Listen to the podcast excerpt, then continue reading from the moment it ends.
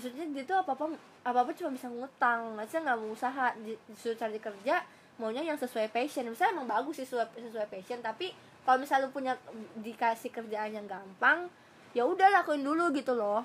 Maksudnya Betul. yang penting lu ada duit jadi duit Benar. itu nggak minjem gitu loh. Benar-benar passion tuh nomor dua ya yang pertama tuh yang ngasilin duit Iya kalau misalnya emang nanti ternyata emang ternyata udah gak cocok banget nih sama nih kerjaan ya udah lu bisa itu sedangkan sekarang ini lu tahu tapi ya menurut apa. aku kalau di posisinya dia emang bener-bener satu butuh duit dua nggak punya Iya, bukan nggak punya gitu nggak loh. punya apa namanya Pilihan. keterampilan iya bener-bener lu nggak punya lu nggak punya pilihan untuk bisa milih kerjaan yang lu mau gitu karena lu nggak punya keterampilan dan lu butuh duit Iya, gitu bener. lu nggak usah mikir passion lah aduh bullshit passion itu nggak bisa nggak salah passion itu tuh nggak seharusnya menghasilkan uang tapi kalau itu menghasilkan uang itu Bagus. bonus iya itu udah kayak nilai plus tapi Iya. kalau misalnya enggak ya udah makanya aku aku aku tuh kesel kalau ada orang yang bilang kerja sesuai passion karena kerja sesuai passion itu ujung-ujungnya ya nggak jadi duit tapi kalau passion kalau kalau misalnya akhirnya kerjaan kita yang jadi passionnya kita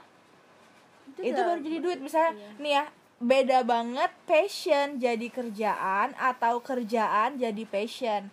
Itu beda banget. Jadi kalau misalnya kita berangkat dari passion buat ngejadiin kita eh, passion kita kita jadiin kerjaan itu nggak bakal maksudnya nggak menjamin kita bakal jadi aku duit. maaf banget nih ya tapi bener soalnya kayak seni seniman tuh biasanya datangnya. pelukis. bener nggak nggak dikit Bener. loh pelukis yang nggak dapat duit. Bener padahal sebenarnya mungkin lukisannya bagus. Bagus. Tapi bener, dia nggak hoki dia nggak beruntung. Dia nggak bisa ngejual banget, lukisan bener dia banget. gitu. Untuk lu bisa ngejual passion lu maksudnya untuk lu bisa jadiin passion lu jadi duit itu tuh banyak itu banyak banget yang lu harus pelajari. Lu harus pelajari manajemennya juga lu harus Bener. pelajari eh, apa namanya tak taktik eh, sosial medianya atau seniman gimana. sih seniman maksudnya kayak semua hal tuh harus lu harus kerjain ya supaya akhirnya bisa jadi duit gitu. Nggak cuma tiba-tiba lu suka Lu melukis ini, terus ini. lu berharap dijual jadi 500 juta itu kan goblok ya namanya. Bener kayak misalnya penyanyi gitu pemusik gitu. Kayak ini aku langsung kepikiran Oki. Eh, apa su- suaminya si Rahel V-nya. Hmm. dia pemusik ya tapi dia juga ada pembisnis gitu loh. Jadi Iya, kalau misal jadi apa ya? Lu nggak bisa benar-benar berpaku pada passion lu doang gitu. Lo harus cari Benar, usaha yang benar, lain. benar. karena sama kayak orang artis aktor gitu. Mereka pasti kan ya mungkin mereka fokus di acting. Mungkin kan acting mereka bagus. Kalau misalnya udah turun bisa apa? Ngutang sana sini doang kan? Benar. Nah tapi ada juga yang emang bisnis kayak Raffi Nagita. Benar. Itu mungkin nggak mungkin mereka bisa sekaya itu kalau misalnya mereka cuma dari acting. acting doang betul. Pasti mereka ada ada lah mereka ada lain. usaha kok. Mereka banyak usaha ada kok banyak iya. usaha kok bisnis segala macam ada. Pesugihan. Iya anjing. Anaknya jual jualin iya benar banget setuju. Iyalah. soalnya gini lu lihat deh kayak apa namanya kayak dokter gitu. Lu pikir dokter punya passion bedah-bedahin orang itu belajar anjir. Nggak segampang nggak segampang itu anjir. Kalau psikopat anjir. aduh saya udahlah. Makanya gini loh sebenarnya boleh boleh banget nonton apa ya namanya nonton video-video apa sih namanya penyemangat Iya, video-video apa iya. boleh. Tapi tolonglah realistis juga gitu. Bener. kadang ada nah, juga ini nih aku mau Iya. aku mau kasih tahu ya. Nih enggak sumpah. Video-video penyemangat itu tuh bullshit ya. Sumpah. itu tuh toxic positivity. Buat kalian yang nggak tahu toxic toxic po- positivity itu apa itu adalah sebuah situasi di mana orang-orang berusaha untuk mengeluarkan positivity po- uh, sesuatu yang positif tapi malah akhirnya jadi beracun untuk orang lain. Misalnya kayak di tengah-tengah pandemik ini kita bilang ayo dong kita tetap semangat kita harus tetap positif kita harus tetap berjuang segala karena macam lu bisa Bener. Dalam keadaan itu Bener, karena lu bisa, lu bisa menikmati hidup yang nyaman di tengah pandemik ini. Sedangkan orang-orang di luar sana banyak yang Belum susah tentu, makan. bener. Mereka beneran sedih, mereka beneran terpuruk sama pandemik ini. Jadi hal-hal yang lu bilang ayo tetap semangat, ayo dong jangan sedih-sedih. Itu tuh bullshit buat mereka gitu. Itu namanya toxic positivity. iya benar benar Aku tuh kesel kalau lihat di Instagram, di Twitter untuk bilang jangan, ayo jangan berhenti berjuang, ayo tetap semangat, ayo tetap eh, apa namanya dandan biar kalian happy harusnya dia begitu ya di tengah-tengah tengah jalan tengah gubuk gitu ngomong tuh coba terus bajunya tuh juga ya, kalau bisa tuh apa ya totalitas gitu. Jangan pakai baju bagus jangan Iya. pakai branded jangan pakai eyelash gitu jangan pakai alis bener bener muka kucel masalahnya gitu loh. orang-orang yang ngomong hal-hal yang kayak gitu itu pasti ngomongnya di depan kamera mereka yang terbagus Di dan rumah. di rumah. mereka yang bagus pakai baju yang nyaman pakai makeup makeup yang mahal dan itu tuh bullshit banget karena itu privilege namanya anjing emang privilege- emang privilege tuh anjing tuh enggak iya. Privilege. privilege itu tau nggak? Tapi enggak sih kita juga kita orang tidak privilege. masa itu aku Nggak. tidak privilege. Karena Gini. gini gini. Oke oke oke oke. aku seneng aku seneng banget karena gini loh nggak banyak orang yang bisa di posisi aku gitu.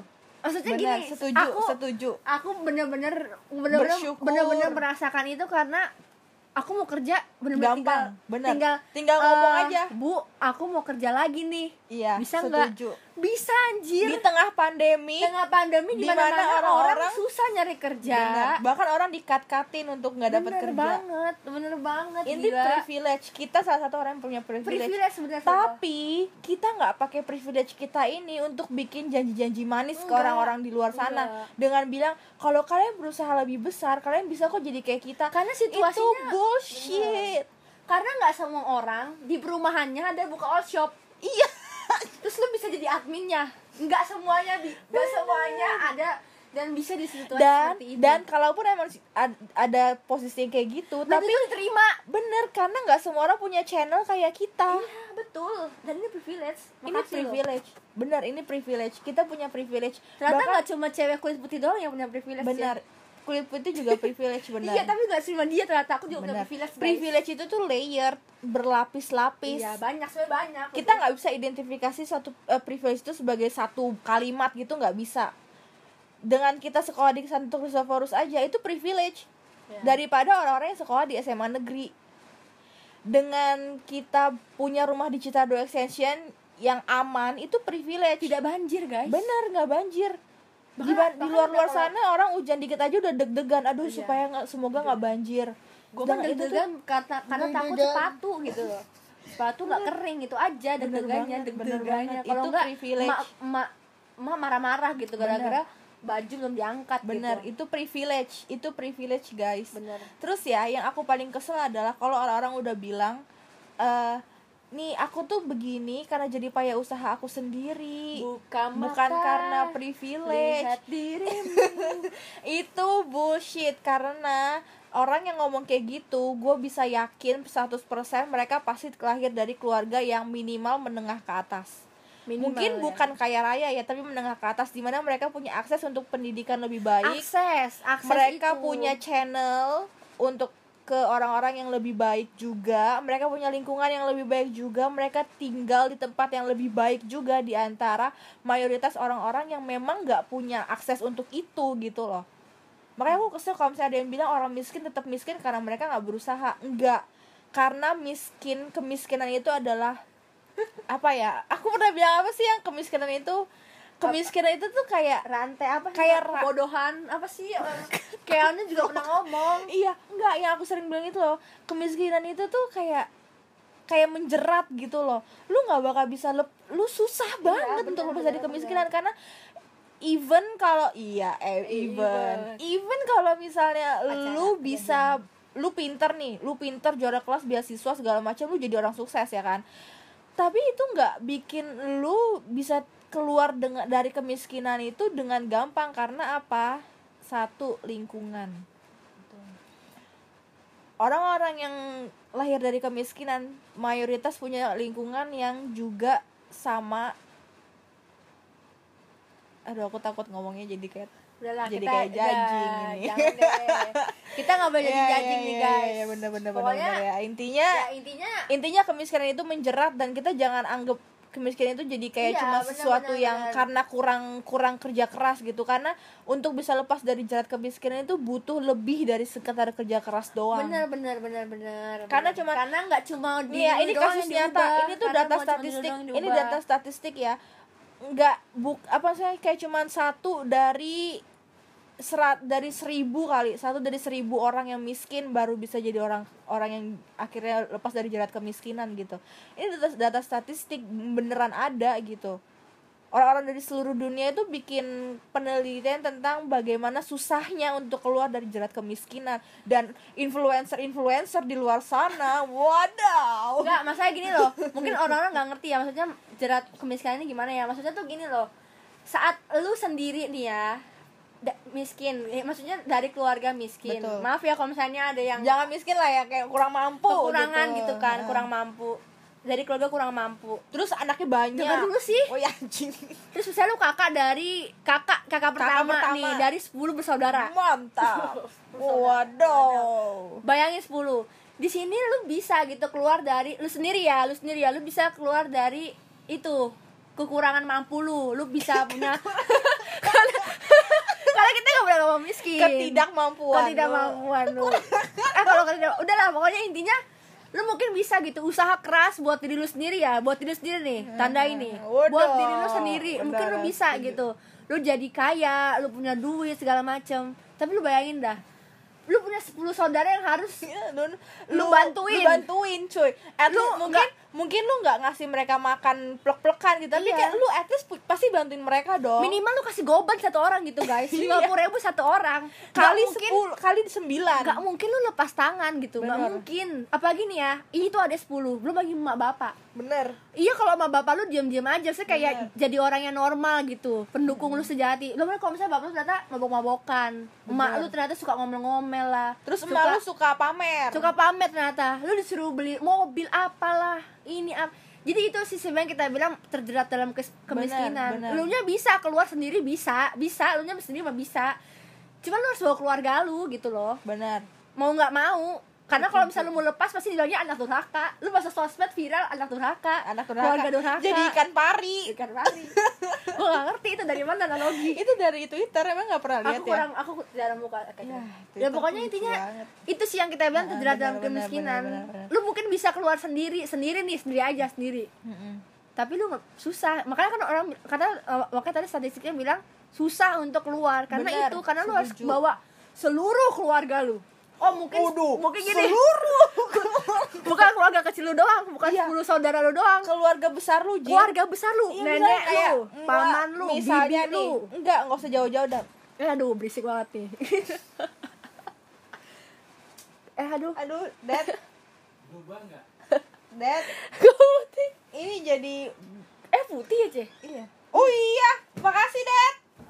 Jadi jadi putih aduh masya allah. emang jadi putih yang kuning tuh di bawah kita. Oh iya. Kita lagi bahas kemiskinan dad.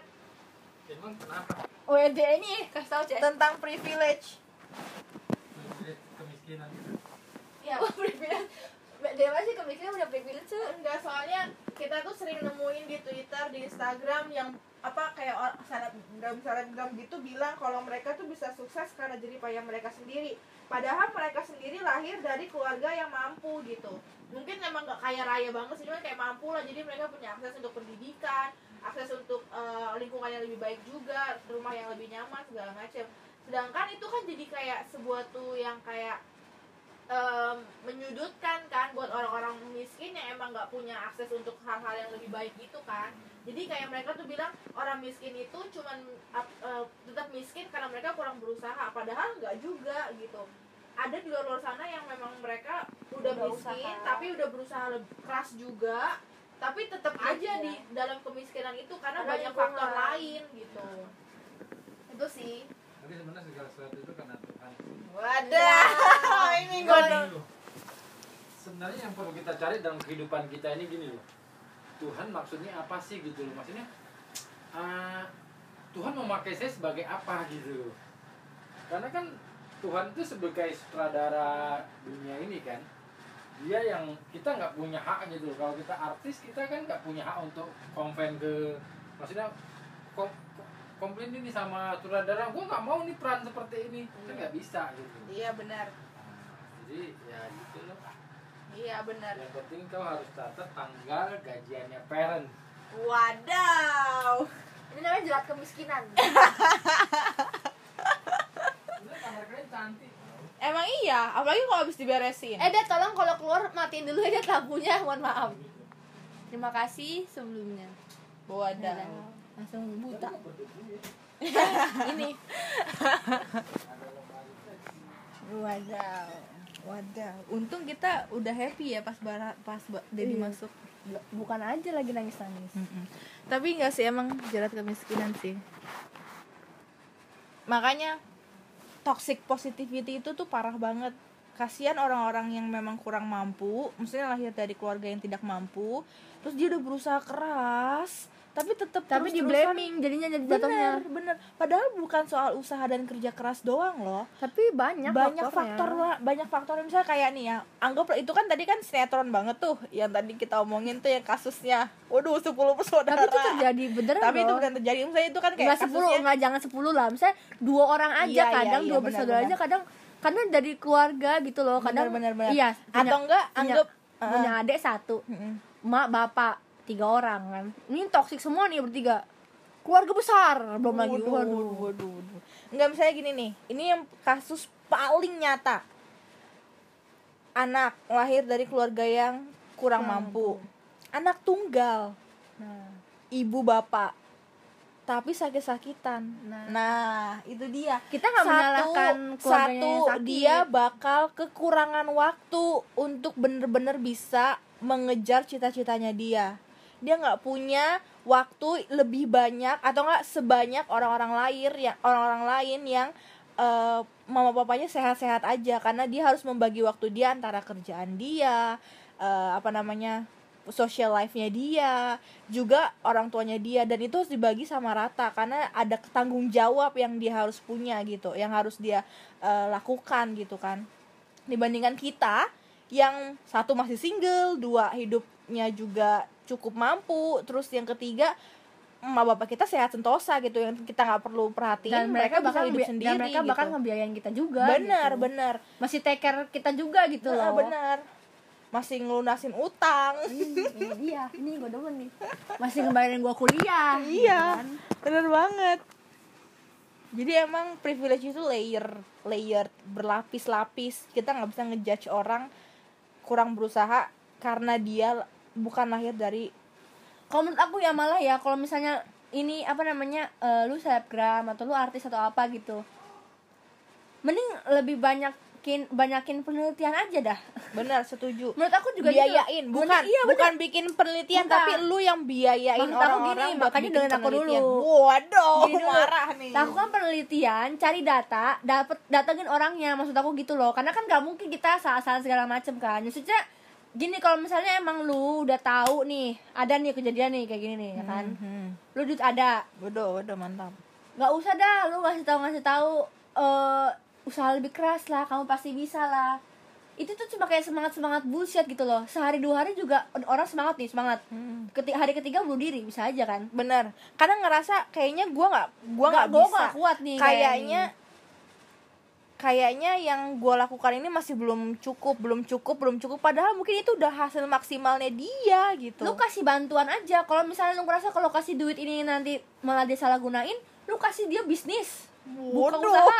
Nggak maksud aku gini Iya, loh. usaha bener, kecil bener. aja. Usaha bakso kayak buka warung apa kayak sembako. Bener, maksud aku itu kalau misalnya orangnya bijak dia pasti bakal bisa lanjutin. Kalau dia nggak bijak dia nggak bisa lanjutin bangkrut. Hmm, bener. dia datengin si orangnya ini. Orang ini bisa nilai dong. Artis Bener. ini atau selebgram ini bisa nilai dong. Setuju. lu nggak layak dibantu. Karena lu nya aja nggak bisa nih ngusahain ini. Bener. bener dong. Bener. maksudnya kalau misalnya lu ngerasa duitnya emang dipakai disalahgunain. Misalnya orang juga bilang jangan kasih bantu kebiasaan nanti dia nggak mau usaha segala macam Hmm, nggak juga. Hmm, Kadang juga. ada orang pengen usaha tapi nggak bisa, Nggak ada bener. lapaknya gitu, nggak ada lapangannya. nggak ada duitnya juga Nggak ada duitnya buat dan dia harus buat modal harus ngurusin orang tuanya, harus ngurusin apanya segala macem. Dia Setuju. juga harus sekolah. Gitu sih maksud aku kayak orang buka buka bantuan ayo dong kita bisa bantuin bantuin mending lu dulu deh kalau misalnya ada duit ya lu bantuin lu juga yang gitu. bantuin lu buka misalnya nih, coba nih ya andaikan nih ya ini kan di Jakarta di Jakarta aja itu kan influencer ada banyak banget kan selebgram tuh ada banyak banget kayak mungkin